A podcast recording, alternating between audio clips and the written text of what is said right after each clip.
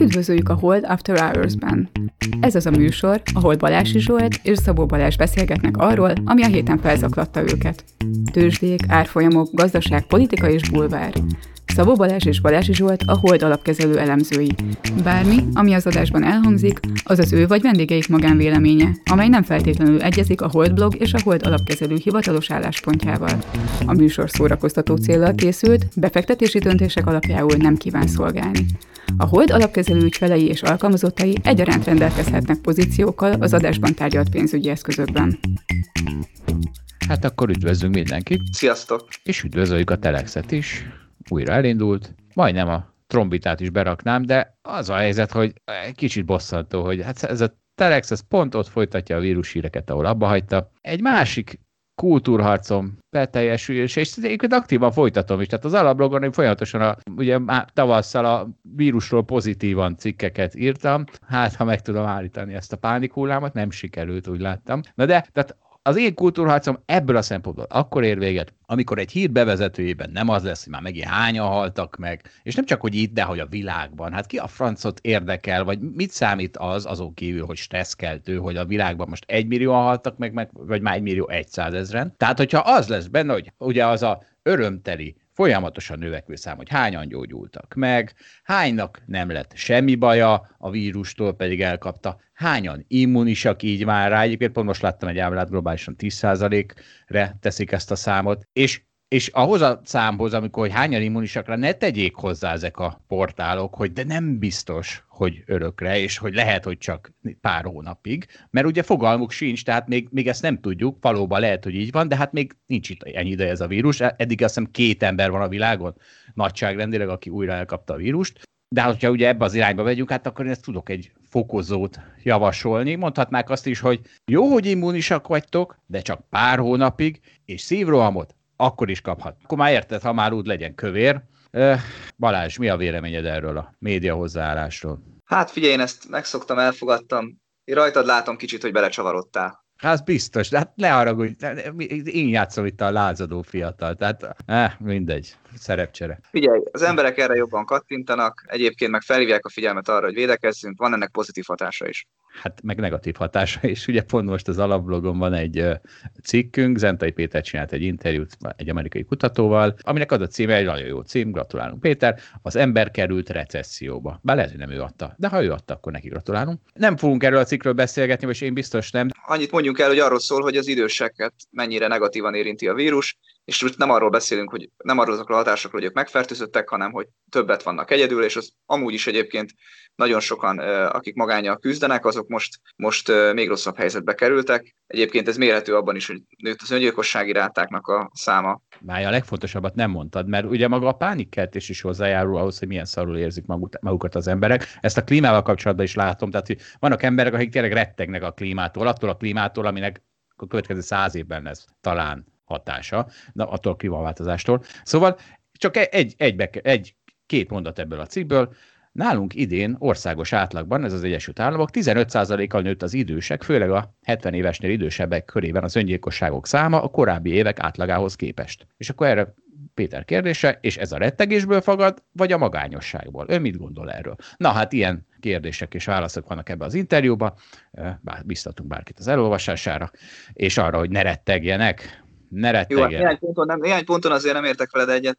Klímaváltozásnak nem száz év múlva lesz hatás, az, az egyik, de azt hiszem azt a témát most ne nyissuk ki, azt majd egy következő alkalommal. A másik pedig az, hogy attól, hogy a média leírja, hogy mekkora baj, valószínűleg meg is ment ezzel öregeket. Azon keresztül persze, hogy nem kapják el a vírust. Hát és akkor figyelj, ha már vírus, ugye az a rock and roll indikátor, amit a múltkor említettem, az úgy látom egy fals pozitív jelzést adott sajnos, ugyanis a minden csütörtökön megrendezésre kerül Blackwater koncert, az most már csak két hetente lesz megrendezve, úgyhogy hát az egyik legstabilabb bástyánk omlott le. Sajnálom.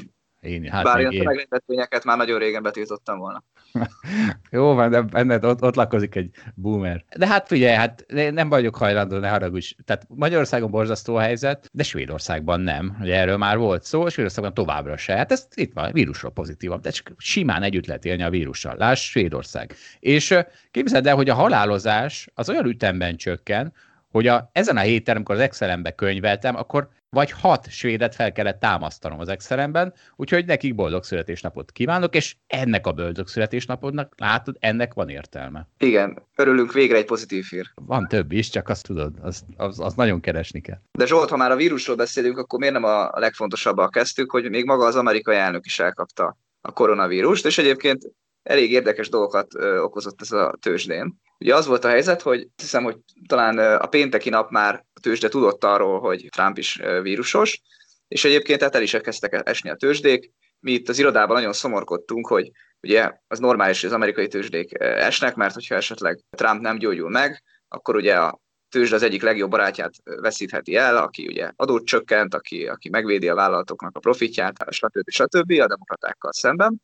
De másik oldalról Na szóval azért szomorkodtunk, mert hogy az európai tőzsdék is estek erre az amerikai esésre, amit már ilyenkor mindig értetlen állunk, és hogy azt várjuk, hogy végre hogy Európa felültesse Amerikát, és akkor jön, jön egy rossz hír, ami emetleg csak Amerikának kellene, hogy bajt okozzon, és akkor erre Európa is esik. Na de ami az igazán nagy gondot okozhatta volna, az az, hogy ugye Trump bejelentette, hogy kórházba is kénytelen volt menni, bár azt állította, hogy ugye nem azért, mert nagyon rosszul lett volna, csak így volt sokkal biztonságosabb, de ezzel megvárta az amerikai tőzsdezárást, ez már péntek este volt, és csak utána tette meg ezt a bejelentést, nehogy a tőzsdéknek valami bajt okozzon. Aztán a hétvégén pedig már posztolt olyan videót, hogy mennyire jól van, és akkor hétfőn pedig hozta jó híreket, hogy végül is, azért jól emlékszem, akkor hétfő este távozott is a kórházban, úgyhogy amit péntek eladott magáról a tőzsde, azt hétfőn nagyjából vissza is tudta hozni. Azt hiszem többet, tehát ez, erre a Trump flickflakra végül összességében emelkedett a tőzsde, ha, ha jól tudom. De most megint tőzsdéről beszélsz, hogy milyen hibába esne, ne haragudj. Most a tőzsdéről beszélünk, vagy technológiai részvényekről beszélünk, vagy mi a túróról beszélünk? Mindenki esett? Nagyon helyes a felvetésed, Zsolt. Amikor tőzsdéről beszélek, akkor most elfogadtam a többségnek a konszenzusát, hogy a technológiai részvényekről beszéltem, azok jöttek szerintem vissza nagyjából ugyanoda.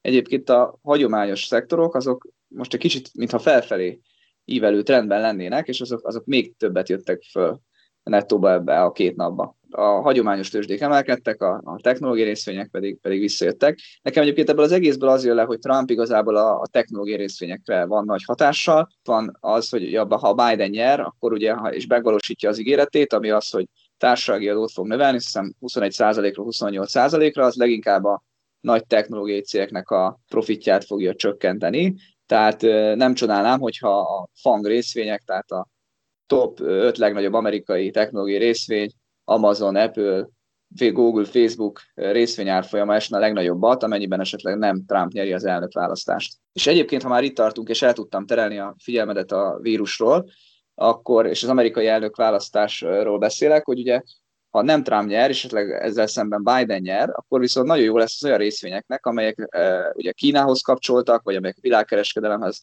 kapcsolódnak. Például mondok egy ilyen e, egyszerű példát, jó lesz a német autógyártóknak, ugye őket folyamatosan fenyegette Trump, hogy ha már Kínával végzett, és őket megadóztatta, akkor, akkor jönnek majd a németek is, akiknek ugye nagyon pozitív a folyófizetési mérleg hiányuk az amerikaiakkal szemben, ezt nem lehet nézni tovább. Tehát az ilyen hagyományos ipari részvények, amelyek függnek a világkereskedelemtől, azoknak is egyébként jót tehet az, hogyha Biden nyeri az elnökválasztás, és nem Trump. Úgyhogy lehet-e a szektorok között egy ilyen rotáció, amennyiben tényleg az elnök leváltásra kerül. És figyelj, hát Trump ugye nem csak ezzel a kórházi flikflakkal, hanem hát ma düböl, nem is, de azt hiszem tegnap este, ugye düböl kirakta, hogy hogy á, már pedig akkor nem lesz semmiféle segítség senkinek. Tehát, hogy nem folytatja azt a stimulus csekket, meg stimulus programot, amit elkezdett tavasszal, és most folyamatosan ment a húzavona a demokraták és a republikánusok közt. A demokraták nagyon sokat akartak, a republikánusok fele annyit akartak adni, és nem jutottak egyességre, és akkor Trump most borította az asztalt váratlanul. Egy személyben ő maga, hogy akkor jó, akkor nem lesz semmi. Majd, ha megválasztatok, akkor kaptok pénzt. Ugye? Ez ilyen ismerős duma. És nagyon érdekes, hogy nem tudod mivel magyarázni, tehát ez nonsens, hogy hetekkel a választások előtt nem ad pénzt, még ezzel együtt is nonsens, és nem is nagyon próbál nyakába varni, hanem azt mondja, hogy már pedig ő nem. De aztán ugye, és akkor olvastam a bloomberg hogy mi a fene folyik itt, senki nem tudja, hogy mi a fene folyik itt, és az a gusztustalan játék folyik, valószínűleg, ami politikának hívnak, hogy csak Trump a sajátságos 12 éves hisztis gyerekeszközeivel is, azt is, ugye ez egy novum ezen a palettán, azt is bevetette, és Tehát, hogy most akkor eljátsza, hogy, hogy eljátsza nem tudom mit, amitől aztán azt várja, hogy azért majd csak jobban szerepel a választáson, és az, az, az tök mindegy, hogy most akkor ettől kiérzi magát rosszul, vagy sem, hogy a jövő héten kap-e 300 dollárt hetente, vagy nem kap 300 dollárt, ez minden számít. Hát igen, Zsolt, azért az tényleg furcsa, hogy nem akar az elnök pénzt osztani a választások előtt egy hónappal, miközben a, ezt a szavazók valószínűleg az ő nevéhez írnák fel. Hát kicsit irracionálisnak tűnik. Nekem úgy pont a másik irányba lenne logikus, ráadásul olvastam olyan elemzéseket, ami alapján igaz, hogy a demokrata választók sokkal jobban várják ezt a stimulust, de a republikánus választók is ugyanúgy átlagosan ezt szeretnék. Persze igaz, hogy a republikánusok körében ugye általában nem szokott népszerű lenni az, amikor van egy nagy állam, sok adóbevétel, sok kiadás, de most ebben a helyzetben másképpen is, a republikánus szavazók is tolódtak ebbe az irányba az évek, évtizedek során, úgyhogy azt lehet mondani, hogy a konszenzus azt várja, a konszenzus választó, hogy, hogy jöjjön az ingyen pénz, jöjjön a stimulus, és erre pont az amerikai elnök mondja, hogy, hogy nem jön. Hát érdekes. Tudod, hogy mire emlékeztet? Néztem a House of Cards-ot, ugye néhány éve ment, ez egy nagyon jó kis sorozat volt, nagyon jó szerepelőkkel, nagyon jó karakterekkel, és néztem, néztem, és nagyon érdekes is volt, és azt hiszem egy év után abba hagytam, mert egyszerűen gyomorforgató volt nézni, pláne így Magyarországról, hogy hogy, hogy megy a gyakorlatban a politika, és itt most, most is ez az érzésem, hogy ez tényleg egyszerűen gyomorforgató, amit ez a Trump csinál, nyilván a demokratákkal együtt, tehát csak ők most kevésbé látványosak, mert ők a háttérben vannak, de hát, na, szóval House of Cards van. Mindegy, szerintem azért a vége az lesz, hogy valahogy jönni fog az a stimulus, mert ha egyszerűen minden szavazó ezt akarja, akkor előbb-utóbb a politikusok is ezeket az igényeket ki fogják elégíteni. Aztán az, hogy ebből majd ki fogja visszafizetni, meg lesz-e infláció, azt ráér majd a világ eldönteni, meg Amerika eldönteni majd a következő években, évtizedekben. Rövid távon szerintem nem látszik, hogy ebből ugye probléma lenne, úgyhogy előbb-utóbb én azt gondolom, hogy jönne, jönni fog a stimulus, vagy ezért, vagy azért, és egyébként itt nagyon nagy számokról van szó, tehát itt ilyen 1000 meg 2000 milliárd dollár nagyságú stimulusokról, amit úgy kell elképzelni, hogy Amerikának a, GDP, Amerikának a GDP-je 20 milliárd dollár, tehát ezek, ezek nagyon nagy számok, ha belegondolunk, 5-10 százalékos GDP arányos számokról megy a vita, és nem tudom, úgy repkednek itt néhány száz milliárd dollárok, mintha az nem, nem is tudom, csak papír, papíról létezne ez a pénz, pedig ezt ha tényleg odaadják a, azt a, a választóknak, meg tényleg odaadják a polgároknak, akkor ebből, akkor ebből lehet nagy vásárlóerő. Hát igen, csak aztán ők Tesla részvényt vesznek belőle, és akkor megint csak papíron létezik ez a pénz, de ezt most hagyjuk. Hát erről vitatkozhatunk, mert szerintem nem csak Tesla részvényt fognak belőle venni, fogyasztani is fognak, amiből Jó. akár infláció is lehet. Na de nézzük meg Trump haverját, Putyint, mert, és a, és a vírushoz egy picit visszakanyarodunk, mert ugye az történik, hogy Oroszország az egyik legrosszabb ország vírus szempontból, nem is tudom hol, Európában talán, tehát ott, ott is a, már a márciusi csúcsokon van a halálozás, pedig hát ugye ott hónapok óta van vakcina, úgymond. Hát akkor mi a túró van? És megnéztem, hogy mi a túró van, Először is, erről lemaradtunk, de hát ezt akkor megemlítem, hogy Vladimir Putyin a múlt hónapban az ENSZ közgyűlésén, a közgyűlés, mit tesz? Az ENSZ gyűlésén bejelentette, hogy az összes ENSZ uh, személyzetnek ad ingyen oltást. Most nem alakultak ki tolongós sorok, de hát ugye nem csak a ENSZ-nél nem alakultak ki tolongós sorok, hanem az Oroszországban sem, ugyanis vagyis rájöttem, hogy is azt történik, hogy ugye ők azért fejlesztették ki jóval előbb, mert a fázis 3-as tesztelést, azt, azt hagyták a francba, azt mondták, hogy kész a vírus, és a fázis 3 az gyakorlatilag akkor a teljes lakosság körében megy, illetve nem a teljes, mert a katonákat, az egészségügyi alkalmazottakat, meg a tanárokat oltják be, persze részüket önkéntes alapon, és nagyon érdekes, olvastam erről a Washington Post cikket, ami elképesztően illik az én narratívámba, úgyhogy kicsit talán túlzásnak is tartom, lehet, ezt a Washington Post újságírója beszívta, ez inkább egy viccnek tűnik, de a nyilatkozó mondta, hogy hát a biológia tanárok nem sietnek, hogy megkapják a vakcinát, ők óvatosak. De a történelem tanárok, na azok aztán sorba állnak. És figyelj, Putyin beoltatta magát, erről mit tudsz? Mondta, hogy beoltja magát, még nem, még nem oltatta be magát, de...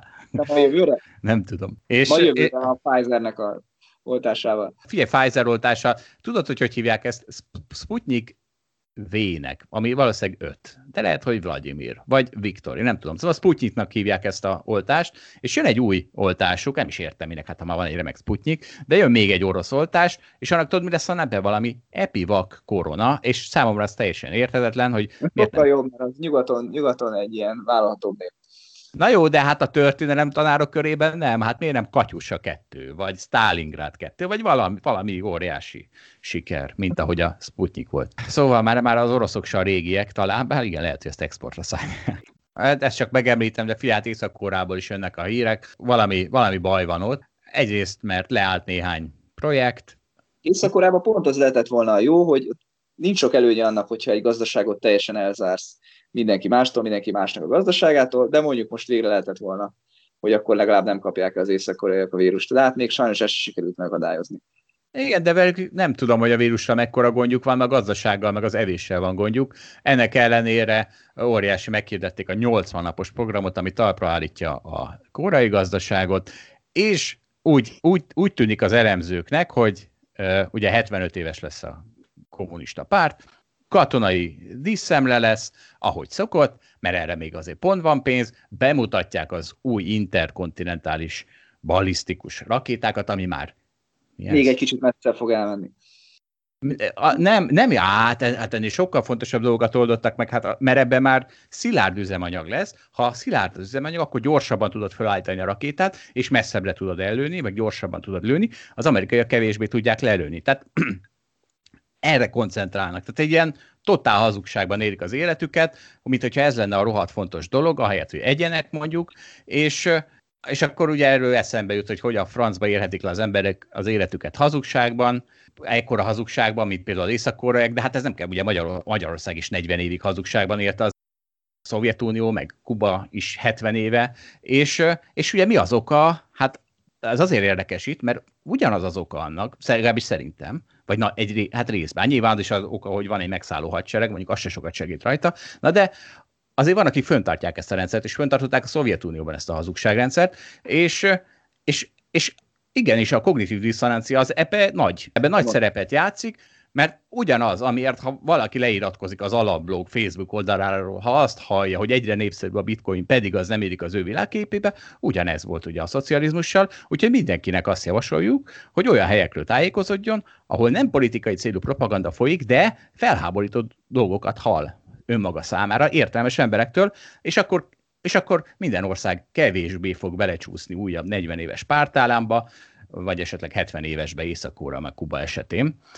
És... De figyelj, a diktatúrákban az emberek félnek is, az talán egy fontosabb faktor, mint az, hogy kognitív diszonancia van, és tagadják azt, ami nem illik bele a világképükbe. Ez igaz, de és akik fenntartják és kiszolgálják? Hát nekik csak szimplán jó, mert ők azok, akik nyerészkednek ebből. Én nem tudom, hogy jó-e. Nem tudom, hogy jó-e nekik. Lehet, hogy erről is beszélgetünk majd egyszer valakire. Hát most jó volt a szocializmusban élni itt, szerinted? A, hát az, a... az el, mindenkori elit tagjának lenni, az egy jó dolog. És ez igaz a diktatúrákra is valószínűleg. Na, jó, nem megyek ebbe bele. Hagy egyszer megkérdezünk valakit, hogy miért maradnak fönn 40 évig hazug pártállamok. De hát ebben az adásban lesz egy meghívott vendégünk. Igen, Horn Dániel, aki a Közgazdaságtudományi Intézetnek az igazgatója, és amúgy oktatásgazdász. És a következő 10 percben be fogunk vágni egy részletet a Hordanival való beszélgetésünkből, és egyébként ezt a beszélgetést, ennek a, tehát a beszélgetés egészét, azt egy külön adásban hallgathatják meg azok, akik szeretnék. Úgyhogy most kapcsol, kapcsoljuk be ezt az ízelítőt, utána pedig folytatjuk a podcast beszélgetésünket. És az az aktualitása, hogy oktatásról szeretnénk vele beszélgetni, hogy azt vettük észre, hogy a legtöbb szülő most találkozik igazán azzal, hogy mit tanul a gyereke így a koronavírus kapcsán, hogy több időt töltenek együtt otthon. Zsolt, te is mindig akadékoskodsz, hogy mennyit kell magolni a lányaidnak, úgyhogy Paszternák. azt gondoltuk... Mondd ki, Paszternák. Nem tudom továbbra sem, mi ez a Paszternák. Hát, hát ha majd ebben majd az adásban ezt is megbeszéljük, majd Dani elmondja. Úgyhogy én gondolkodtam is egy, egy kérdésen, az pedig a következő lenne, az az, hogy ugye a Vekerdi Tamásnak van az a mondása, hogy a gyereknek tudjuk nagyjából, hogy mit kellene tudni, amikor az iskolába jár, meg kellene tanulni értően olvasni, jól írni, megtanulni számolni, tehát valami elemi matematikát, informatikát használni, meg angolul tudni. És az lenne egy az első kérdésem, hogyha én egyébként a legtöbb helyen azt olvasom, hogy ez viszonylag triviális, hogy ezeket kell tudni az életbe, akkor jelenleg ezt megkérdeznek, Dani, hogy ez tényleg így van-e, hogy ezeket kell megtanulni mondjuk így a, a középfokú oktatásban úgy általában. Másrészt pedig, hogyha ez így van, akkor, akkor miért nem minden mindenhol ugyanezt próbálják a, a gyerekbe beleverni, miért különböznek mondjuk Európában az oktatási rendszerek, miért van az, hogy azt mondják, hogy Magyarországon több a tárgyi tudás, mint máshol, hogy hogy kell ezt az egészet érteni? Jó, hát uh, sziasztok! Ez, ez több kérdés volt, tehát hogy a... sok minden van a fejünkben. A paszternákot én sem tudom, hogy micsoda egyébként, és há, hogy mondjam, én is elég sokszor felhúzom magam azon, amikor a, hogy mit tanulnak a gyerekeim az iskolában, és, és ez miért fontos, és miért, miért kell. Ráadásul, csak hogy még tetézzem a ti kérdéséteket, az külön vicces az, hogy amit az iskolában tanítanak, meg aztán amit felvételikor kérdeznek a diáktól, az tök más. Vagy hát nem tök más, de eléggé elkülönbözik. Tehát egy, mondjuk egy ilyen gimnáziumi felvételi, meg amit addig tanult a gyerek a suliba, az nem ugyanaz. És az egyetemiről nem is szólva. Tehát, hogy ezek itt eléggé nem jól átgondoltak azért ezek a, a dolgok a rendszerben, és, és szerintem ez főleg azért van, mert már van egy nagyon durva ilyen úgynevezett útfüggőség, tehát ez az angol fast dependency. Tehát ami gyakorlatilag az, hogy a tanárok azt tanítják, amit nekik tanítottak, hogy tanítani kell, meg ami benne van a tankönyvekben, hogy azt kell leadni, és azokat a tankönyveket azokat nem tegnap írták, hanem esetben tíz évvel ezelőtt, rossz esetben még régebben. És ráadásul ugye ezeknek a tankönyveknek kéne felkészíteni a gyereket arra, amit amikor majd, majd ő elvégez, ez is vekerti, majd ő elvégzi az iskolát, akkor kéne tudnia. Amit még mi sem tudunk, hogy milyen. Nekem elég radikális véleményem van erről, szerintem. Én azt gondolom, hogy most az iskoláról az terült ki, hogy egy dologra nagyon-nagyon-nagyon jó, ez pedig a gyerekeknek a vigyázására. Tehát a, most kiderült a vírus alatt, hogy mennyire fontos az iskola, azért, hogy a gyerek nincs ott. Mit tanulnak, az már szerintem másodlagos. De, de mondom, tehát nem, nem tudok választ adni arra, hogy miért, miért fontos az, illetve azt, tudom, azt választ tudom adni, hogy egyszerűen van egy ilyen, tehát hogy miért kell megtanulni a pasztárnákot, azért kell megtanulni a pasztárnákot, mert benne van a könyvben. De azt nem tudom, hogy miért van benne a könyv. Ehhez hadd kérdezem meg, tehát, hogy ugye amiért én aggódom az, és ugye ezt Balázs is kérdezte, hogy de máshol is így megy ez? Tehát, hogyha külföldön miért tudtak ettől megszabadulni, ha megszabadultak, és akkor például a findiák az emiatt óriási előnyben lesz a én gyerekemhez képest? Uh, igen, de, nem, de ők se szabadultak meg, finnek se szabadultak meg. Jaj, megnyugtató. Itt sehol, tehát szerintem a világon sehol, ahol, ahol az oktatási rendszer jól működik, és itt a fejlett országokról beszélek, ott, ott ugyanezekkel a gondokkal küzdenek. Tehát a tanárokat, tehát értetek, ezt rendszer szinten nem lehet megoldani az egészet, hiszen a tanár 18 fog elmenni jó esetben mondjuk egy főiskolába, egyetemre, ott jó esetben 5 év alatt elvégzi a tanárképzőt, akkor ő 23 évesen bekerül az oktatási rendszerben, mint fiatal pedagógus, és elkezdi tanítani a gyerekeket, akik akkor mondjuk 6 évesek, vagy hogyha középiskolai tanár, akkor meg 14 évesek.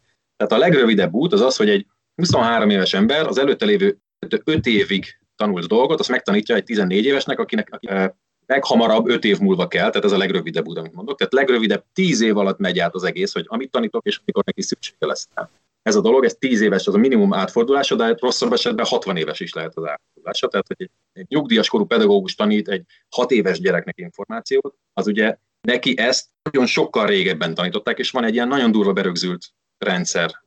Ezért is fontos szerintem, hogy a jó pedagógus az nem tantárgyat tanít. Az nem, nem anyagot ad át, az nem a paszternákot tanítja a gyereknek, hanem a gyereknek a lelkével foglalkozik. Azzal, hogy ő akkor ott jól érezze magát, és ne stresszelve menjen az iskolába, hiszen ezeket úgyis meg fogja tanulni, vagy ha nem megtanulja meg, akkor meg azért megkeresi a neten. Tehát, hogy tök mindegy. Én nagyon, ebből szempontból elég radikális vagyok.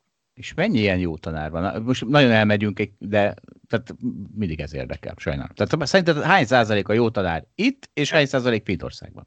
Nem tudom, ez őszintén nem tudom. A, ugye ez egy, tehát megint csak ez nem egy fekete-fehér dolog, tehát nagyon sok ember tud ebbe jó lenni, abban meg nem, tehát hogy mindenkinek voltak ilyen élményei, hogy a talában annak voltak zseniális tanára, és voltak olyanok, akik ki nem állhatott, és közben meg lehet ugyanaz a tanár másnak, meg pont. Tehát a saját élményem az én osztályfőnököt, az fél osztály nem szerette, én nagyon kedveltem. Szerintem ezek nem fekete-fehérek.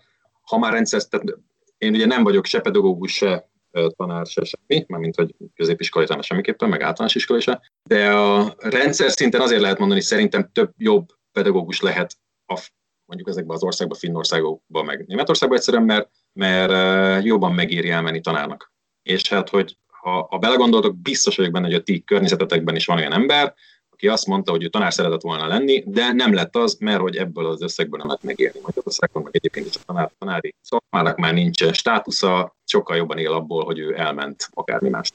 És Dani, összefoglalva egy kicsit a, a beszélgetést, hogyha te lennél az oktatási miniszter, vagy a mindenható, aki, aki megreformálhatja az e- magyar oktatást, akkor, akkor mit csinálnál?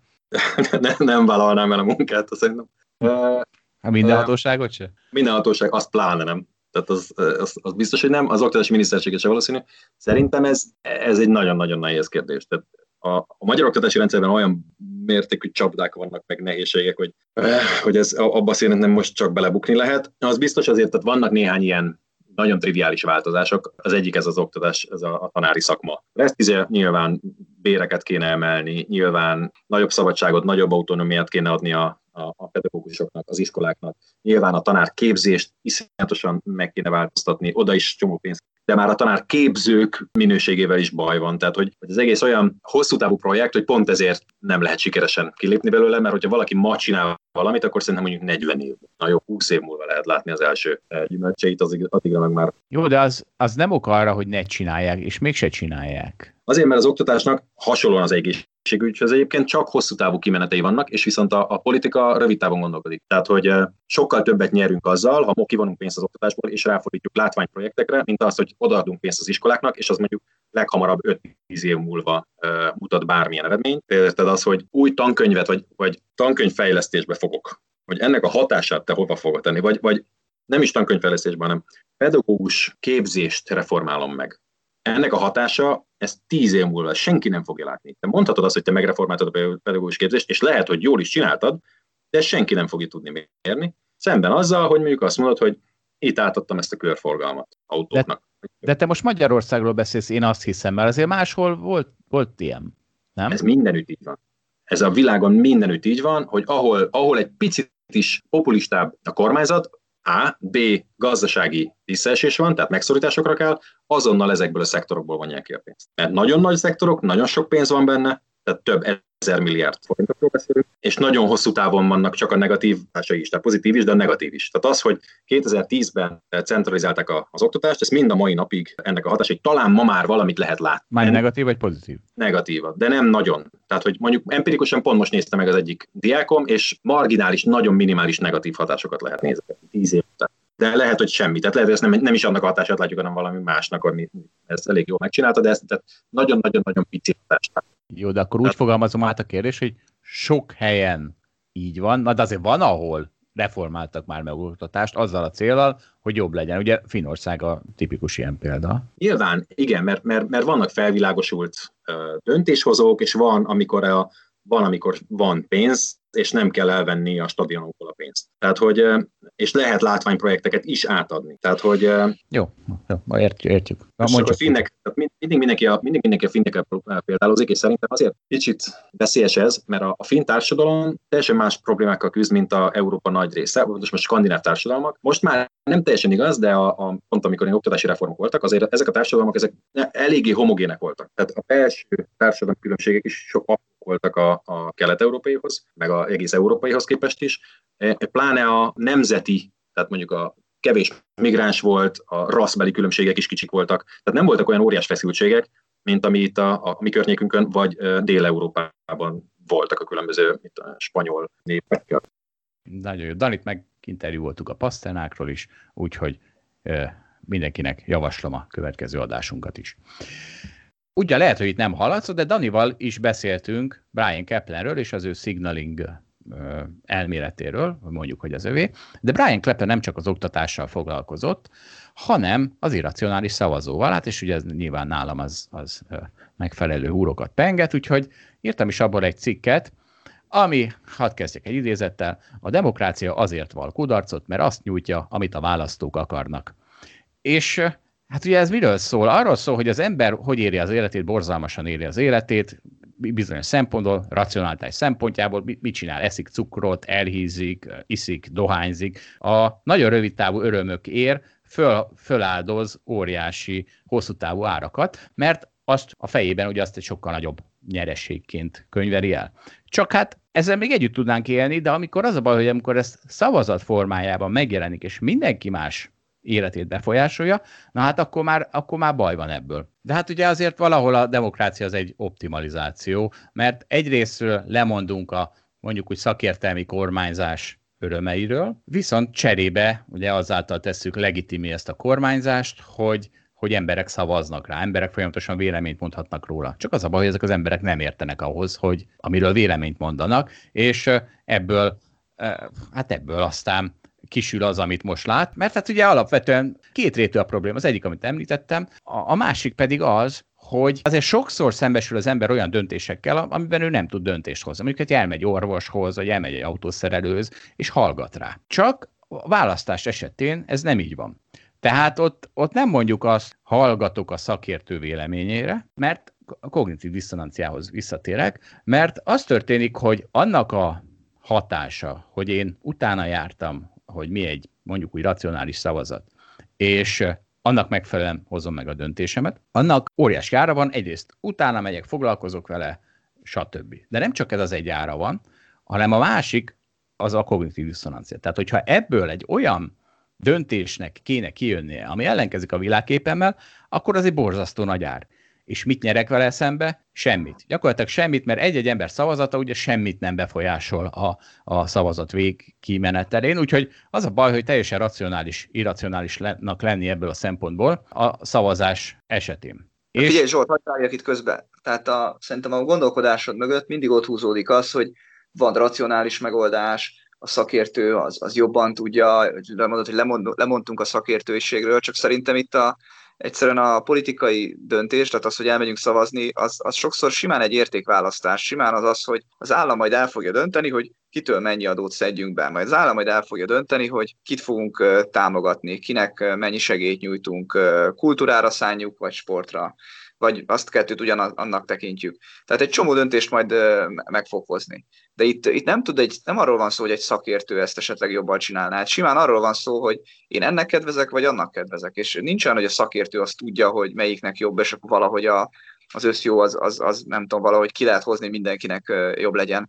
Én nem azt mondom, hogy a szakértőiségnek nincs meg a helye, csak azt mondom, hogy ez a magas szintű politika, meg az, hogy a szavazó elmegy dönteni, az szerintem rendben van, hogy ez az értékválasztás történik. De egyébként abban a szempontból nem, ad, nem akarok kiállni az irracionális szavazó mellett, hogy jó az, hogyha valaki mindenféle előképzettség, vagy, vagy, vagy gondolkozás, vagy, vagy felkészülés nélkül megy el szavazni. Az nem, nem mondom, hogy jó, tehát annál jobb, ha, ha az ember tudatos szavazó, meg gondol, gondolkozik előtte, csak értem, amit mondok, hogy ezt nem, nem lehet, nem, nem, nincs egy ilyen univerzális jó megoldás, és olyan, mintha te folyamatosan ezt üldöznéd.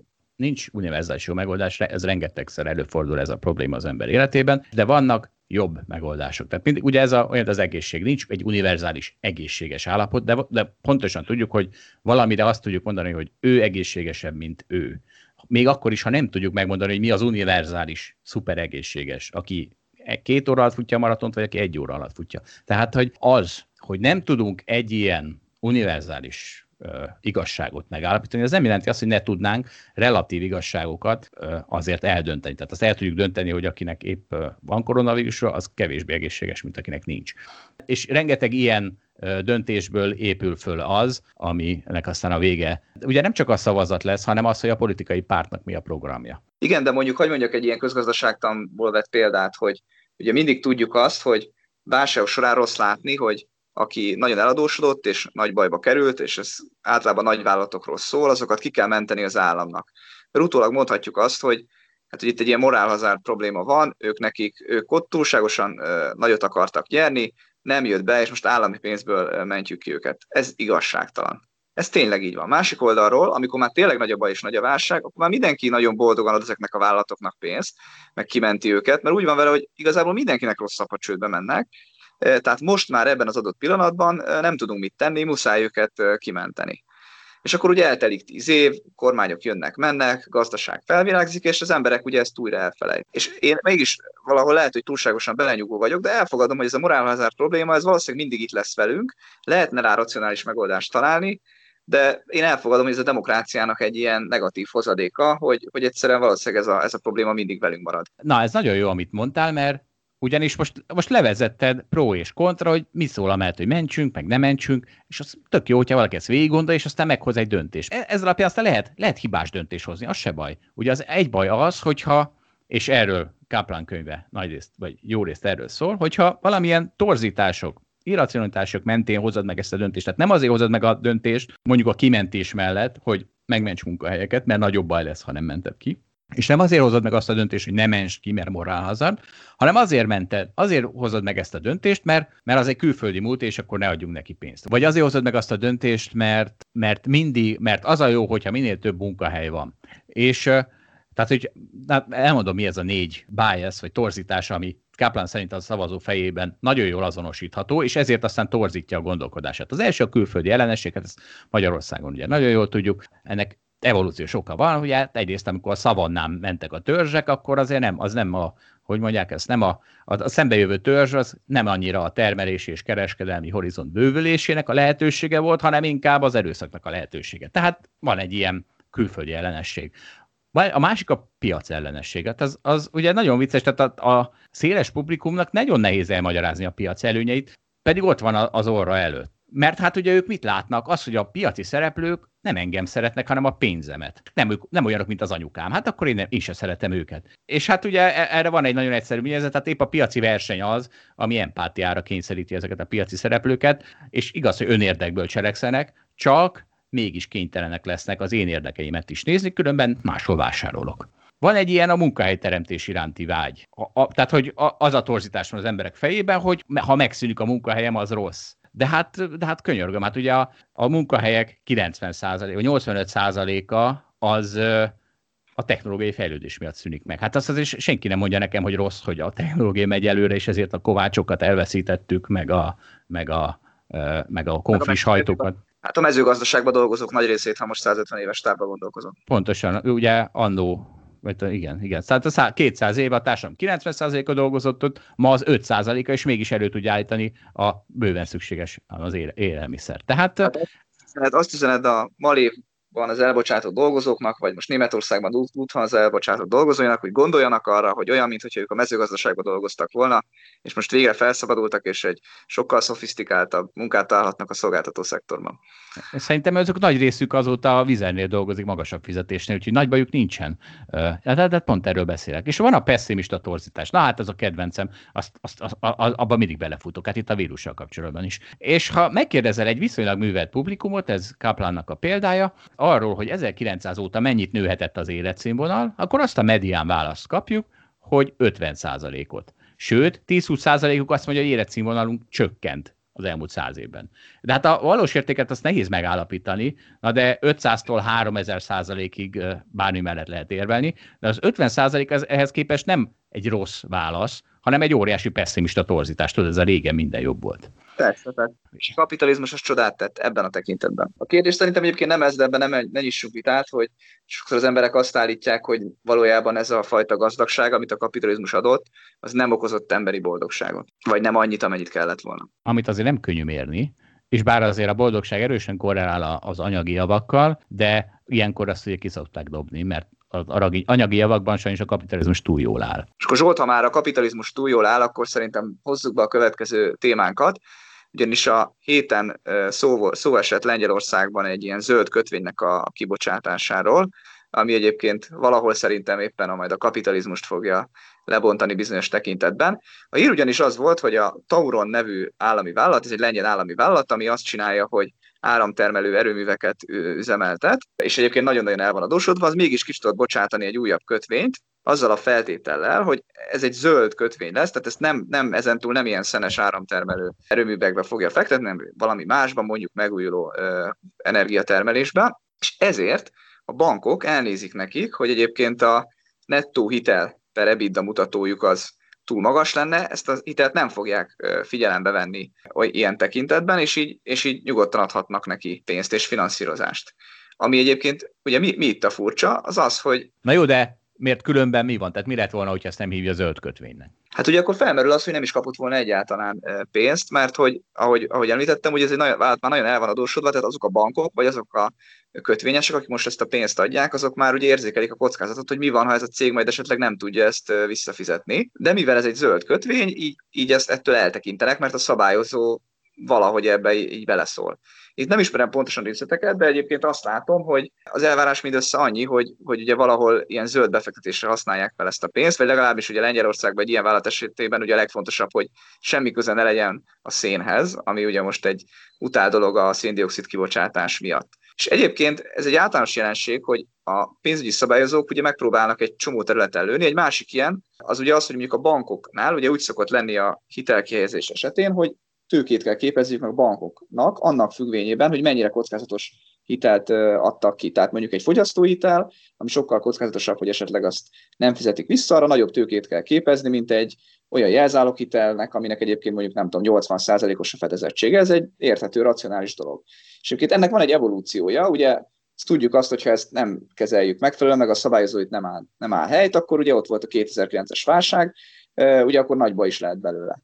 Másik oldalon, hogyha a szabályozó hagyja és túlságosan, vagy bocsánat, pont fordítva, tehát hogyha a szabályozó túlságosan restriktív, tehát nagyon szigorú, akkor meg a másik oldalon van baj, akkor meg ugye a gazdaságban nem lesz hitelezés, ami egyébként nagyon segíti a, a gazdasági növekedést. Tehát itt a szabályozónak van egy ilyen egyensúlyozó szerepe, nem szabad se túl lazának lenni, se túl szigorúnak. És egyébként ennek van egy, mondom, egy evolúciója, ugye vannak ezek az úgynevezett bázeli törvények, azok is ezt, vagy bázeli szabályok, azok is ezt segítik, hogy ezt ezt okosan csinálják mondjuk Európában a, a bankok. És akkor erre jön ez a dolog, hogy akkor most itt van a zöld kötvény, meg itt van az, hogy a klímaváltozás ez egy nagy probléma, és és e, ezekbe a rendszerekbe, amik egyébként én azt gondolom, hogy relatíve racionálisan működnek, most beleszólnak, és azt mondják, hogy hoppá, hát mondjuk nem kell az, az hogyha a bank olyan hitelt ad ki, ami, ami valamiféle zöld, zöld dolgot finanszíroz, akkor arra nem kell tőkét félretenni hogy akkor ott nem kell biztonságosnak lenni. Na most ez egy szintig tud racionális lenni, amennyiben minden zöld befektetés, ez ugye, és sokszor van ilyen, mondjuk egy naperőmű vagy egy szélerőmű, hogy van rajta állami támogatás, ha megépítetted, akkor sokszor kapsz érte fix díjat a jövőben, tehát ez nem egy kockázatos befektetés. Ekkor sem egyébként nulla a kockázat, tehát az, hogy nem kell egyáltalán tőkét tenni, az, az szerintem túlzás, de, de valóban kevésbé kockázatos, mint egy sima fogyasztóhitel. Minden esetre hogyha ezek elterjednek, akkor itt megint van egy ilyen, szerintem a szabályozásban lehet a jövőben egy ilyen lyuk, hogy a vállalatok ezt megpróbálják kihasználni, ezt a, ezt a lehetőséget. Még bőven nem tartunk itt. Minden esetre érdekes ez a folyamat, hogy itt van ez a lengyel cég, ami a koszos szenes erőműveket üzemelteti, és már ő is látja azt, hogy hoppá, még egy kis hitelt fel tudok venni akkor, hogyha, hogyha megfelelek ezeknek a szabályoknak. Azért ennek az egésznek ez a pénzbőség az oka, ami annyi minden dolognak a rákfenéje, mert, mert mi, miért tehetik ezt meg, miért nyugodtak a bankok, mert tudják, hogy úgyis rengeteg pénz van a világban, úgyis rengeteg pénze van a lengyel államnak, ott van az LKB, meg az EU, aki akkor különben majd az segít, úgyhogy egy kicsit a moral hazard is belejátszik. Nehogy azt itt, hogy 2009-ben vagy 2010-ben ilyesmit megcsinálhattak volna ezek a vállalatok, hát ez ez a moral hazard. Igen, és egyébként ami még nekem érdekes, az az, hogy a szabályozók mennyire sok helyen próbálnak tudni. Tehát most ugye itt van egy konkrét probléma, ami én elfogadom azt, hogy a társadalom számára ez egy probléma, hogy áramot kell csinálni, de ezt nagy részben szénből teszik mondjuk a lengyelek, vagy akár a kínaiak, vagy a világ másik végén is mondjuk egy nagy országot, ahol ez, ez megy. Oké, okay, akkor mit lehet tenni? És akkor lehet azt csinálni, hogy van széndiokszid az Európai Unióban, tehát aki szénből termel áramot, annak ugye többet kell fizetni. Ez, ez egy lehetőség. De akkor itt van az a lehetőség, hogy akkor a finanszírozását is, is lerontjuk, tehát hogy ha nem zöld kötvényt bocsát ki, hanem csak sima kötvényt, akkor, akkor az drágább. Tehát akkor már finanszírozási oldalon is büntetjük ezt. Akkor nem csak kötvény finanszírozás esetén, hanem a bankok finanszírozása esetén is akkor ott van az, hogy mondjuk az EU-ban vannak olyan alapok, amik majd azt fogják támogatni a jövőben, hogy ugye zárjanak be belőle szénbányákat. Akkor az megint egy beavatkozási pont. Én csak azt akarom mondani, hogy azt látom, hogy itt a folyamatnak egy csomó pontján lövünk. Egyébként, hogyha ez racionálisan át lenne gondolva, akkor lehet, hogy elég lenne egy pontján lövni. Lehet, hogy a széndiokszid kvóta az megfelel lenne árazva, akkor megoldana minden problémát helyette a folyamatnak 4-5-6 pontján megpróbálunk beavatkozni. Én azt gondolom, hogy ezt így nagyon nehéz megérteni, hogy ebből mi fog kisülni. És ugye a kótának az a nagy előnye, hogy azért a piaci mechanizmusokat nem hagyja figyelmen kívül, tehát egyszer megemeli az árát annak, ami valóban drágább. Mert mi történt? Azokat a költségeket, amik valósban keletkeznek, csak nem a vállalat számára, hanem a társadalom számára, azt kifizettetik vele. Tehát sokkal jobb egy ilyen piaci mechanizmust támogató rendszerre támaszkodni szerintem, mint mondjuk az, hogy mondjuk ha politikusok újra rámutogatnak az egyes szénbányák vagy szénerővekre, hogy na ezt meg ezt csukjátok be, és akkor nem tudom, lejjebb vittük 20%-kal a széntermelést Lengyelországban, mert egyszerűen, ha csak így rámutogatunk az egyes szénbányákra, akkor nem találjuk meg azt, hogy hol lenne a leghatékonyabb bezárni hol lenne a legkisebb, hol okozna a legkisebb kárt a gazdaságnak. És hogyha például kvótákkal csináljuk ezt, akkor, akkor egyszerűen a piac majd ezt megoldja ezt a problémát. Hogyha újra rámutogatunk, akkor biztos, hogy nem találjuk meg a legjobb megoldást. Na hát figyelj, hát van egy piac, ahol felvilágosodtam. És ez David Portnoy piaca. És most lehet, hogy sokan fogják a hallgatók közül a fejüket, hogy már megint David Portnoy. Na de hát, hát az történt, hogy David Portnoy elment Barry Ritholtzhoz. Ugye Ritholtz annak a podcastnek a vezetője, amiről Csertamással is beszéltünk, nagy ágyú, vagy egy nagy ikona szakmában, és beszélgetett vele. És hát annak, aki azt mondja, hogy már megint Dave Portnoy, hát annak üzenem, igaz, hogy ez David Portnoy saját bevallása szerint, de ő a legtöbbet emlegetett név a Wall Street-en. Úgyhogy most akkor itt a oldalapkezelőn keresztül elhozzuk önöknek a Wall Street-et, ugyanis meghallgattam ezt a beszélgetést, és e- első meglepetés, ez egy, ez egy olyan egész intelligens ember, ez a Dave Portnoy. Ő valójában nem daytradert, ez a másik nagy felvilágosításom, tehát felvilágosodásom, hogy ő egyáltalán nem daytrader. Ő tartalomszolgáltató. 15 éve vagy 20 éve, nem is tudom, elindított egy vállalkozást, amit úgy kezdett, hogy kinyomtatott újságot, már akkor Bartool Sportsnak hívta, és ő maga hordozta ezeket stadionokba, és ott osztotta embereknek, vagy eladta embereknek borzasztó kis példányszámmal indult, és mindent ő csinált, és nagyon vicces, viszont azt mondta, hogy hát az nem tesz jót a lapjának, ha egy ember dolgozik rajta, úgyhogy kitalált egy marketingest, egy szélzest, egy főszerkesztőt, és ezek, ezek a nevek is ott szerepeltek az újságon. Tehát ilyen, ilyen nagyon érdekes apróságok belülnek ki ebből a podcastből, nagyon jó kis beszélgetés. Ez az újság aztán idővel onlineosodott, és egyre nagyobb népszerűségre tetszett, és végül elértünk oda, hogy hogy hát egy csomó leget emlegetett, abban nem tudtam kiszűrni, hogy most akkor leg-leg-leg micsoda, de hát mondta, hogy az összes nagy, igazán nagy tartalomszolgáltató beszélt arról, hogy megvásárolják ezt a Barstool Sportsot, tehát a Netflix, az HBO vagy a, I, vagy a ESPN. Mert ugye mivel foglalkozik? Azzal, hogy néz sporteseményeket, most már, ezt videón kirakja, ahogy a haverjaival nézi, és közben úgymond sportfogadási tippeket is ad hozzá. De hát ez megszűnt. Jött a koronavírus, és megszűntek a sportesemények. Úgyhogy körülnézett, és megtalálta a nazdakot, hogy hát figyelj, ott is lehet bosszankodni, ott is lehet szídni, a, mint ahogy a bírót lehet szídni a, a beszélőfejeket, ott is lehet uh, szurkolni, mindent lehet csinálni, mint egy sporteseményben, úgyhogy neki állt trédelni, és gyakorlatilag ugyanúgy azt, azt is közvetítette, mint ahogy a, a amerikai foci nézését közvetíti. És nagyon jó, hogy ezzel a Barry Ritholzal találkozott, mert ugye Ritholz egy öreg a szakmában, és hát azért időnként helyre tette ezt a pornóit, akinek hát fél éves tőzsdei tapasztalata van, miközben, nem tudom, Ritholznak meg fél évszázados kis túlzással. Tudod, miben világosodtam még meg? Na hogy nem. Port... Na, figyelj, hát ugye beszéltem arra, én már nem tudtam, hogy mi a fene van, mint hogyha új házba költözött volna, vagy tehát nem tudtam, hol tart ő anyagilag, és már 100 milliós nagyságrendekről beszéltem, hogy talán annyit is nyert, de, de most... Én milliárdos emlékszem.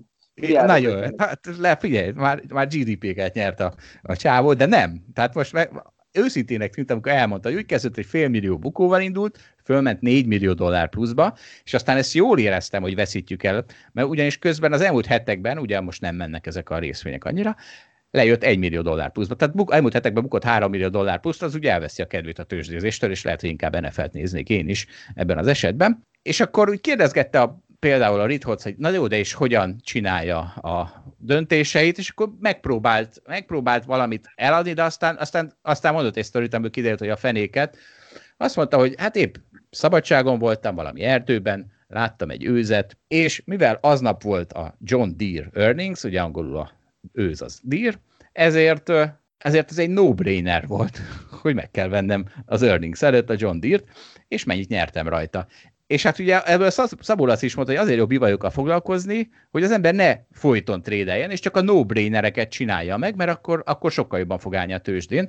És hát nézd, ugye, hogyha ő, az ő, ő egy, hogyha John Deere napján őzet látsz, hát akkor az egy nyilván egy, egy no, no-brainer, hát, mert hát mi lett volna, ugye a Hunor és Magyar eltököri a csodaszarvast. Valás itt egy. Mi ez? Nehéz ezt, nehéz ezt hallgatni. Én még én tényleg egy milliárd dollárokra emlékszem, és arra, hogy ő sokkal jobb ezen a piacon, mint Warren Buffett. Hát igen, de azt, azt lehet, hogy a százalékban mondta. Tehát, hogy százalékosan jobban állt, és elhiszem, hogy 4 millió dollár az neki egy elég nagy növekedés volt, most már csak egy, egy millió dollár. És egyébként egy tanulság számára a tőzsdéről, hát ilyen a másik, csak... Bocsánat, én nem ismerem őt, de ugye őt semmi nem kényszeríti rá egyébként, hogy teljesen igazat mondjon. Tehát ha egy millió dollár bukóba van, ezt nem fogjuk megtudni, neki nincs olyan transzparens és nyilvános alapja, mint az alapkezelőknek, amikor felmész az internetre, megnézed, és, és ott van, mint ahogy Warren Buffettnak mondjuk ott van. Tehát, hogy egy kicsit, kicsit más az ő szavaietősége. Erre nem tudok mit mondani ugye, hogyha... Nem, én sem akarom meggyanúsítani, csak mondom, hogy kisbefektetőként, egyébként ezt magamra is mondom, sokkal jobban emlékszem a nyerességekre, mint a bukókra. Bukókra úgy gondolok, hogy hát az ott véletlen volt, az ott megtörtént, hát az nem is számított, de múltkor, amikor nyertem egy nagyot, akkor jól átgondoltam, és be is jött. De azt észrevennéd, hogy egy millió dollár pluszba vagy mínuszba vagy, nem? Hát én igen, lehet, hogy nem. Na, és, és figyelj, hát ugye ő mondja, hogy ez egyik nagy tanulság számára a tőzsdén, hogy a részvények csak fölmennek. Hát mert azért itt Holc egy kicsit meg, meg, meging, megingatta, mert hát azt mondta neki, hogy hát figyelj, a részvények nem csak fölmennek, Az indexekre ez talán igaz, de hát egy csomó részvény csődbe megy például. És akkor azt mondta, hogy jó, jó, azok a, de azok a részvények, amikre én azt mondom, hogy csak fölmennek, azok tényleg csak fölmennek. Jó, az 5 dollár alatti részvényekben van kockázat, de az Amazonban abban nincs, meg a Shopify-ban, ez a kettő maradt meg bennem. Van ezekben kockázat, Balázs? Van. nem, mert csak fölmennek, hát nem érted a tőzsdézés lényegét. És tessék, egy másik tanulság Déportnőtől. Nem érti azokat a beszélő fejeket, ez te vagy Balázs, akik esést várnak. Hát, hát, hát ki akarja, hogy essenek a részvények? Hiszen... esés volt, hát már fél éve óriási emelkedést várok. Az Amazonban meg a Shopify-ban esést vársz, amilyen szemét ja, vagy. Ez nem igaz, Amazonban se várok esést. A Zoomba várok esést, meg a Tesla-ba várok esést, meg az Apple-ben. Na, megérkeztünk, tessék, meg csak én kiszedtem belőled a... Miben várok esést, és miben nem. Csak kiszedtem belőled a beszélő fejet. Na de hát miért nem azt szeretnéd, hogy fölmenne Jánk? Hát mindenkinek az a jó, ha fölmennek, nem? És hát ugye Ritholc a maga tapasztalatával be belekötött, hogy figyelj, akkor kitől vennél részvényt, hogyha mindenki azt várna, hogy a részvények fölmennek. Akkor erre, erre elgondolkozott, majd azt mondta, hogy hát ezt majd a tudósok meg a matematikusok megmondják, és hát figyelj, emlékszel, a marketingesek is, hogy a, mat- a matematikusokban látták azt a pseudo ellenséget, aki a százalékpontokkal e, próbálja megmételjezni a társadalmat. Hát és itt is szembe jut, úgyhogy félek, hogy vagy egy összeesküvés, vagy egy összeesküvés elmélet nyomára bukkantam, egy kicsit elkezdtem aggódni. És hát figyelj, az utolsó Dave Portnoy tanulság, hogy a könyvekről meg, Barry Ritholz megkérte, hogy ajánljon már néhány könyvet, amit olvasott az elmúlt év során, azt mondta, hogy hát az For Suckers van, az a, nem tudom, hülyéknek itt. Van. A lúzereknek van, mert hát és mondott egy analógiát is, hogy hát a tévét, ha már föltalálták, akkor minek a könyv? Hát ugye, hogyha a kerek, kereket már föltaláltak, akkor utána nem használsz négyzet alapú kereket. Nehéz erre mit mondani. Nekem azért annyi üzenetem, hogy Dave Portnoy is megmutatta, hogy nincsenek csodák a tőzsdén. Igen, a tőzsdén nincs, viszont a vállalkozó életben vannak, mert hát ő egy online vállalkozó, és figyelj, az online vállalkozóknak a következőt üzeni, csak szeres csinálni, amit csinálsz, és csináld. És akkor ki fog jönni belőle valami jó, mert neki is ugye ez nagyon összejött, és van egy jó mondata, medítsd az eveződet a vízbe. Úgyhogy Balázs, mindjárt tovább merítjük az evezőnket a vízbe, csak még egy kis. Mert a másik érdekesség, hogy a, a másik nagy tanulság számára az életből, ne sortolj, mert a részvények csak fölmennek. Az elején félmillió bukóval indult, mondtam, azt még sortolásra kereste, de aztán evolválódott és adaptálódott, és onnantól kezdve long volt. De valójában, ahogy az előbb mondtam, ő egy tartalomszolgáltató. És ugye a Kosztolányi könyvében olvastam ezt, hogy óriási szívás sortolni, mert az lesz, hogy te akkor fogsz örülni, amikor a barátaid bosszankodnak, és akkor fogsz bosszankodni, amikor a barátaid örülnek, és akkor sosincs kivel vacsoráznod, mert, mert mindig egyedül vagy. Ezért állt át ő is a longolásra, mert rájött, hogy neki azba az irányba kell állni, az egész tömeg, és abba az irányba kell szurkolni a részvényeknek, mint ahogy a sok potenciális néző, mert ki fogja azt nézni, hogy, hogy valaki ellenszurkolója a részvényeinek. És erről eszembe jutott a Bét. 1998-ban vagyunk, az orosz válság kellős közepén, én már tőzsdéztem, akkor úgy nézett ki a tőzsdézés, hogy a Vörösmarty téren volt egy tőzsdeterem, ahova beálltunk egy ilyen üvegterembe, ahova ki voltak rakva tévék, ahol mint a teletexten mentek az árfolyamok. És ott állt az ember a mobiltelefonjával, és betelefonált, hogy adnék, vennék, stb. Ez tele volt ez a terem. Az, az is egy ilyen kisbefektetői mánia csúcsa volt, akkor már nem tudom, két-három éve rettenetesen rohantak fel a részvények, e, mondjuk az OTP akkor, ugye ez 98, akkor a 11 szerezett, 1000 forint, vagy 100 forintról fölment 1000-1200 forintra. És hát ebben a eufórikus hangulatba ütött be a orosz válság, ami úgy nézett ki, hogy mondjuk a Richter, ami önnek ugye volt or- orosz kitettsége, az leesett az ötödére, hatodára. Néhány hónap alatt, tehát ilyen két-három hónap alatt. Na most képzeld el azt a tőzsdetermet, ahol mindenki longos, általában tőke áttétellel longos, és valaki kijön a kisteremből, tőzsdei újságíró, a legnagyobb zuhanás közepette, és elkezd szurkolni, hogy na végre nem csak a hülyék nyernek a tőzsdén. Végre kijön a szakértelem. Tehát egy, ugye egy nyilván sortosról van szó, aki oda ment a tömeg kellős közepére, és ott újjog. Hát az embert ezt meg akarták lincselni. Személyes tapasztalatod? Ez személyes tapasztalat, oda jött mellé. Én akkor is meg akartam lincselni, de még igazából még most is meg akarom lincselni, és az a biztos, hogy az ember ez a továbbra is a tőzsde közelében van, én, mert láttam ilyen valamiféle rendezvényem. Jó, figyelj Zsolt, akkor nekem a tanulság az, hogy longolni jó, mint sortolni, ezzel egyébként egy ideje egyet tudok érteni, mert az én részvényeim is ebbe az irányba állnak, akkor hagyj hozzak be ide egy másik témát, ami a héten aktuális volt, mégpedig az, hogy az amerikai 30 éves kötvények hozama elindult felfelé, át is törte a 200 napos mozgóátlagot, és ez előhozta újra azokat a vitákat itt az alapkezelő csapatában, hogy a kötvénypiacnak vajon van előrejelző képessége. De, de azért magyarázom, hogy miért is olyan izgalmas egyáltalán az amerikai 30 éves kötvénynek a hozama. Ugyanis ugye izgalmas. Várt ki a végét, várt ki a végét. Ugye itt az, hogy amikor a hozamok emelkednek, az általában akkor szokott lenni, amikor a reálgazdaságban a várakozások egyre pozitívabbak. Mert mikor emelkednek a hozamok, hogyha azt várjuk, hogy az infláció fog növekedni, ami ugye most ebben a világban nagyon nyomott, vagy azt várjuk, hogy reálhozamok fognak emelkedni. Mert hogy a nominális hozam, ami ezt, amit mi mérünk, az ugye egyszer az inflációnak és a ráhozamoknak a, az összege. Tehát valamelyik, valamelyik nő, tehát lehet arra következtetni, hogyha az amerikai 30 éves hozam elindul fölfelé, hogy akkor valószínűleg a kötvénybefektetők egy jobb világot, egy jobb rágazdaságot áraznak. Egyébként ugye, amikor a hozamok nőnek, olyankor a kötvény árfolyamok esnek, tehát mondhatnánk úgy is, hogy amikor a kötvény árfolyamok esnek, akkor az azt jelenti, hogy lehet, hogy pozitív lesz a rágazdaság, mint azt gondoltuk, vagy a befektetők legalábbis így látják. De és ugye mit, mit mond ez a, ez a részvénypiacnak? Ugye azt szoktuk mondani, vagy hát itt az alapkezelőben a a szeniorabb kollégák azt mondják, hogy sokszor a kötvénypiacnak az ilyenfajta mozgásai, azok előre jeleznek a tőzsdén is, tehát a részvénypiacon is mozgásokat. Márpedig, hogy ugye, hogy mondjak egy példát, sokszor láttak már olyat, hogy esetleg látszódott már, hogy a rágazdaság gyengülőben van, amik sok évnyi jó rágazdaság után, és akkor ugye a kötvények, azok éppen, hogy elkezdtek az árfolyamok emelkedni, tehát a kötvényhozamok esni kezdett, de ilyenkor a részvénypiacok azok még mentek tovább, mert azokban még benne volt a hype, még az emberek vették a részvényeket, hogy még többet nyerjenek a, a, a sok emelkedés után is, és akkor már lehetett arra bazírozni, hogy hát ha most a kötvénypiac már árazza a problémát, akkor lehet, hogy el kéne adni a részvényt, és akkor ez, sokszor bejött. Most én az elmúlt három-négy évben egyébként nem láttam úgy, hogy itt nagy, nagyon ez, ez a mutató egyébként bejelzett volna, és ezzel lehetett volna keresni. Persze lehet, hogy csak én nem figyeltem eléggé.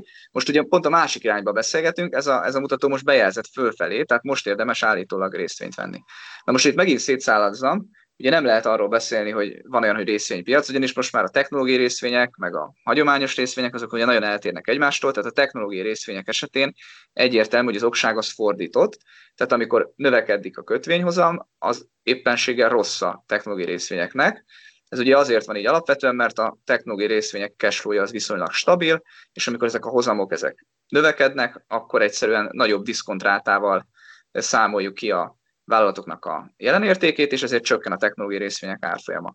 Ez persze igaz a hagyományos részvények esetén is, csak ott sokkal fontosabb az a hatás, hogyha esetleg tényleg pozitívabb a rágazdaság, akkor ez a cashflow is sokkal jobb lesz, és igaz, hogy a diszkontráta magasabb lesz, ami mindig rontja ugye a vállalatoknak az értékét, de hát az nem akkora baj. Egy autószektorban lévő szereplő, vagy egy turizmusban lévő szektorban lévő szereplő, vagy, vagy egy sima ipari cégnek az sokkal fontosabb, hogy milyen a cashflow-ja, befektetők is inkább azt figyelik, nem pedig a diszkontrátát. Na figyelj, hát erről ugye az elmúlt hetekben beszéltünk, hogy ciklikus shift van, és igen, ez is egyfajta indikátor, és ugye azt mondtad, hogy a jegybankok ezt borzalmasan torzítják ezt a kötvény, meg hozampiac előrejelző szerepét, csak erre, erre azt mondom, hogy ha ebben az óriási szembeszélben, hiszen a, mivel a jegybankok folyamatosan veszik a kötvényeket, ezért a hozamok folyamatosan esniük kéne, tehát az óriási szembeszélben is tud jelezni ez az indikátor, hát akkor, akkor ott mondjuk úgy, hogy akkor ott már lehet, hogy tényleg van valami.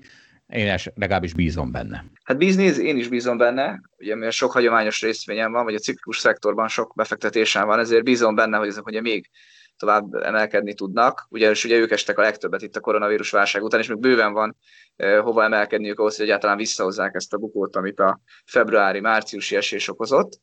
Hát meglátjuk.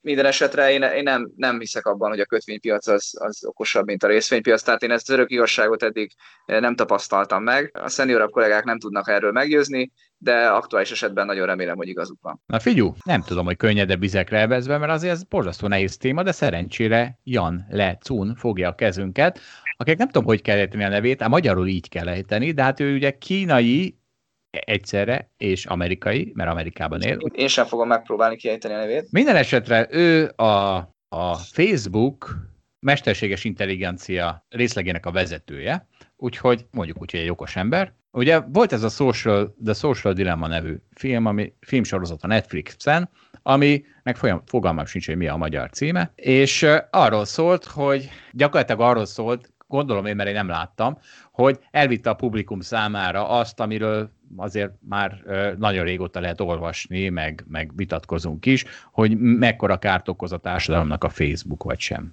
Te tudsz erről több? Én félig meddig láttam ezt a filmet, de azt hiszem a felénél, sőt, biztos a felénél abba hagytam. Ez film vagy sorozat? Ez egy film. Ah, hát akkor lehet, hogy neki úr, de nem hiszem, mert szerintem nem, nem mond újat, talán így ezután, és a Facebook kiadott egy dokumentumot, aminek az a címe, hogy mit téveszt el a social dilemma.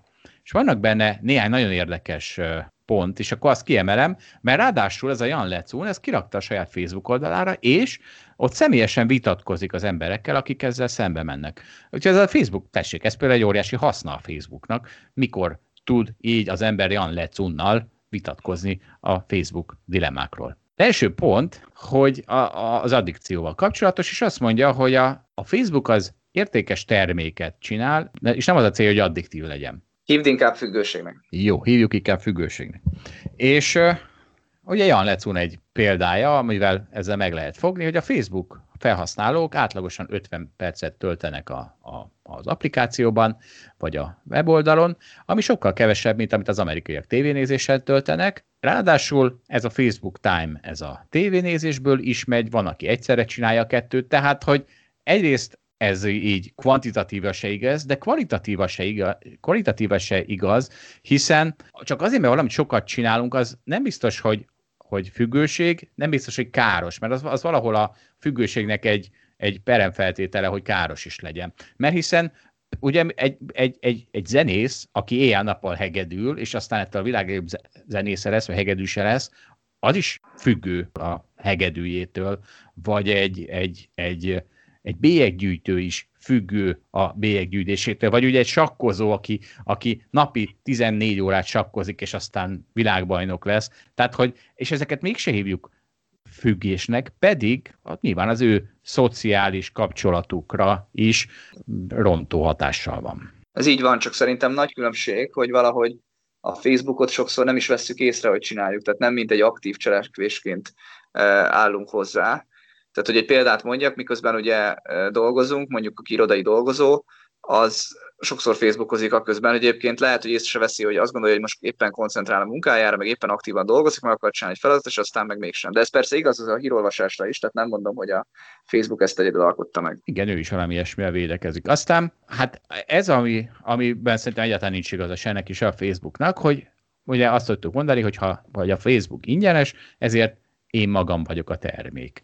És erre a Facebook válaszol az, hogy nem, mert a Facebookot reklámokból tartjuk el, hogy ingyen marad, ingyenes maradjon az embereknek, és azt hiszem, hogy ott, ott megy ez félre, hogy Amerikában az emberre úgy tekintenek, mint fogyasztóra, akit reklámokkal kell bombázni. Tehát nem az az alapjoga az embernek, amit én szeretnék, hogy reklámoktól teljesen mentes legyen, hanem az az alapjog, tehát hogy, tehát hogy inkább a hirdetőnek az az alapjoga, hogy bombázza az embert reklámokkal. És azt hiszem, hogy e, e, és ez egy nagyon amerikai mentalitás, és itt megy ez félre, hogy mitől ö, gondolják ezt. Ugye egy érve ennek olyan lecúnnak, hogyha azt jelenteni, hogy, a, hogy az, hogy nem fizetsz érte, akkor te vagy a termék, akkor minden egyes médium, ami reklámokat használ, ott te vagy a termék, ami szerinte teljesen zagyvaság. Hát szerintem meg nem. Úgyhogy tettem erről egy, ed, egy cikket, ahol ami arról szól, hogy az adblockeremet, az hogy a francba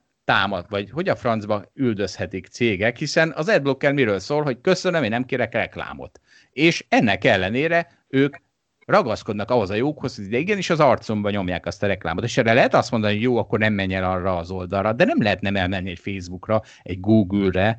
Tehát ott, ahol van fizetős szolgáltatás, és ezzel kikerülöm a reklámokat, az rendben van, de a Facebookot meg a Google-t nem tudom úgy használni. Úgyhogy furcsa ez. De azt elfogadod, hogy elvárják, hogy valamilyen módon vagy fizes, vagy pedig olvasd le reklámjaikat. Csak mi van, hogyha nincs fizetős opció? Tehát akkor onnantól kezdve arra köteleznek, hogy reklámozzak, vagy reklámokat nézek, pedig, pedig kiírom magamra, hogy én nem akarok reklámokat nézni. Én nem akarok semmit vásárolni. Tudod, ez, ez az, az egy, volt egy hasonlatom, hogyha úgy ülök be egy bankba, hogy nálam van egy tábla, nem akarok devizaitet, és aztán mégis rám beszél, rábeszélnek, hogy de nagyon jó lesz az neked, és tényleg annyira profik, hogy rábeszélnek, hogy mégis a táblám ellenére ö, megcsináltam, akkor azért később a kamerafelvételek alapján azért csak reklamálhatok, hogy figyelem, ott volt az a tábla, miért beszéltetek rá? Tehát, hogy valahol, és akkor, és akkor itt visszatértünk oda, hogy mi az alapjoga az embernek, az, hogy lehessen reklámmentes élete, vagy az az alapjog, hogy egy vállalat bárkinek reklámozhasson, aki a környékére megy.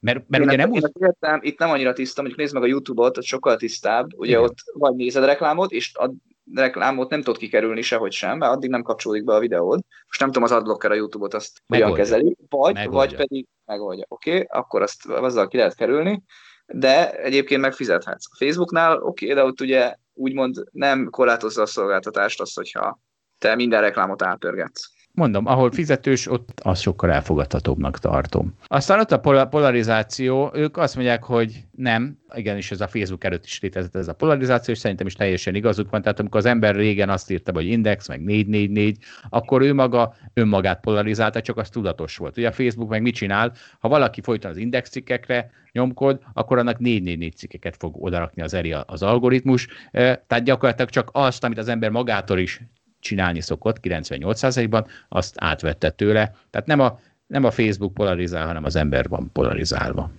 Ez igaz, csak ugye itt ez mégiscsak egy új jelenséget hoz be, ugyanis ott, ott te döntötted el, hogy melyik weblapot pötyögöd be magadnak, itt pedig az algoritmus dönt, nem pedig te. És ez, ez szerintem egy nagy különbség. Tehát, hogy ő felméri a te preferenciáidat, és visszaadja azt. De ezzel bent, tényleg bent tart a saját borékodba, úgy is, hogy te ezt nem veszed észre. Igen, tehát kevésbé tudatos, ez igaz, de na jó, oké. Okay. Ez, ez, ez, ez egyére lehetett fogni, hogy ő tartotta fenn a saját buborékját, most a Facebookra is lehet már egy kicsit fogni, hiszen ő is döntött helyetted. Akkor is megint visszaértünk oda, hogy mennyire vagy a szabad akaratod birtokában, mennyire te vagy az, aki eldöntött, hogy mit csinálsz. Most itt a pötyögésre mondtad, de valójában az, hogy neked eszedbe se jut nem 4-4-4-et bepötyögni, az, az, az már ugyanígy determinálja a te cselekedj, de, de, de ez már filozófiai is. Egyébként, de nem baj. Igen, csak azt meg tudod tenni a Facebook ellenére is. Tehát érted? Tehát ha, ha nagyon tudatos vagy, mert én is így csinálom, ha nagyon tudatos vagy, akkor, akkor a Facebook nem tört el, akkor nem tör meg, akkor nem töri meg a gerincedet, akkor te igenis továbbra is beírhatod a internetbe, amit akarsz. Sőt, megteheted, hogy, hogy követsz olyan Facebook oldalakat, ami, ami összezavarja a Facebook algoritmus, mert nem tudja, hogy melyik oldalra helyezzen téged, és akkor és akkor ott ülsz a slamasztikába, és nem is te, hanem az algoritmus ott ül a slamasztikába. Jézusom, ez most milyen ember? Ilyenből kettő van. Igen, de ez is nagy fokú, ez még nagyobb fokú tudatosság kell. Na figyelj, ezek a buborékok, ez, ez jó, hogy ezzel végeztük, mert ugye arra, hogy mennyire buborékokban élünk, én, én folyamatosan csodálkozom, itt már a podcastben is csodálkoztam, hogy tényleg vannak olyan férfiak, akik a férfiságukból eredeztetnek valamiféle felsőbbrendűségi jogokat, mint ahogy egy kommentelő hallgatónk ezt kétségbe esetten írta, vagyis legalábbis implicite írta a sorok közt. És, de hát én mindig csodálkozom. Tehát csodálkozom az, hogy vannak olyanok, tényleg vannak lapos földhídok, vagy én ugye mindig csak a küzdelmet látom ellenük, az ilyen gúnyolódó küzdelmet, de, de hát valószínűleg valahol vannak. De hát, hogy hogy a francban lehet valaki lapos földhíd, ez kép, ez, ez, ez, egy Facebook csoportba Zsolt, és akkor megtudod. De szerintem azok eljátszák. Tehát én ezt nem hiszem el. ne, én ezt nem hiszem el. Tehát érted, mert annyira... Eljátszál, de van, aki nem. Aztán a, a, a, a, ugye az abszolút PC hívőket sem hiszem el, hogy léteznek, de aztán mégis azt látom, hogy a BBC leszedi a Fortitálus egy adását, tehát, tehát valahol vannak ezek, ott rejtőzködnek, de áh, nagyon, nehéz, nagyon nehéz elhinni a létezésüket, és akkor szembe jött egy statiszta ábra, ami végre valamennyire képbe helyez ebből a szempontból, arról szól, hogy a koronavírussal kapcsolatban mennyi tév információ terjed a neten, és először is kiderül, hogy az információknak csak a 3%-a olyan, ami ilyen kategóriába tehető. Ezt a, ezt a Cornell University végezte a felmérés, és amerikai uh, cikkeket nézett végig, a, nem tudom hol, az interneten, és csak a 3%-uk sorolható ilyen téveszme kategóriába, és ezeknek a fele volt ilyen összeesküvés elmélet. Mert a negyede az például arról szól, hogy milyen varázsgyógyszer készül éppen, De hát a többi ugye a szokásos, hogy Bill Gates, meg 5G, meg mit tudom én, hogy a demokrata párt csinálta, vagy, vagy a kínai párt csinálta. Szóval, szóval azért valóban ez nagyon, hát ugye akkor voltatuk a 3%-nak a fele, tehát másfél százalék, tehát azért ez egy elég nis szegmens, megnyugodhatok. Hát ez tényleg megnyugtató. De akkor jöjjön egy könnyebb téma. John McAfee, ugye ez a, aki a nagy vírusölő szoftvert, céget csinálta, és amúgy milliárdos, meg nem tudom micsoda, adó, adó elkerülésért Spanyolországban letartóztatták. Nekem az az, az az első gondolatom erre, hogy soha nem értem, hogy azok, a, akik, azok az emberek, akiknek tényleg arról szól az életük, hogy most épp három csilliárd dollárjuk ül a bankszámlájukon tök fölöslegesen, vagy négy csilliárd dollárjuk, azok miért mennek bele ilyen, ilyen határeset adóelkerülésbe, amikor ennyi múlik rajta. Tehát az upside az, hogy három helyet négy csilliárdon ül, a downside pedig az, hogy esetleg börtönbe megy. Érthetetlen. Valószínűleg ez egy folyamat, és nem akkor kezdte el, amikor már nagyon gazdag volt, és ezért nehéz belőle kiszállni. Lehet, fogalmam sincs, hogy miért, és mivel fogalmunk sincs erről a témáról, ezért az adásunkba el fog jönni Radnai Károly, az Andersen adótanácsadó cég partnere és vezetője, akit megkérdezünk arról, hogy miért csinál ilyen hülyeséget McAfee, meg ha már itt van, akkor magyarázza el, hogy le, hogy lett megint Andersen, ugye ez egyszer megszűnt az Enron botrány után, és most valahogy föltámad. Balázs adózás dilemmáit is vele megfuttatjuk, hogy milyen az igazságos adórendszer. Szóval rengeteg dologról fogunk vele beszélgetni, ez már a nem tudom hány héttel későbbi adásunk lesz, nagyon várjuk a beszélgetést. Két hét múlva megjelenni. Én például arról fogom őt megkérdezni, hogy milyen arányban érdemes áfát, munkajövedelemadót, nyereségi adót, jövedéki adót, stb. stb. kivetni, ugyanis szerintem ez nagyon bonyolult, hogy ezt, ezeket hogyan lehet egymással összehangolni. Igen, sőt, talán még Andy Vajnáról is fogunk vele beszélgetni, mert ő a, fi, a filmipar finanszírozásában is fontos szerepet játszik Magyarországon. Na és Balázs, bár nem vagy Z-generáció, ugye? Legalább ugyanolyan messze vagyok az Z-generációtól, lélekben, mint te.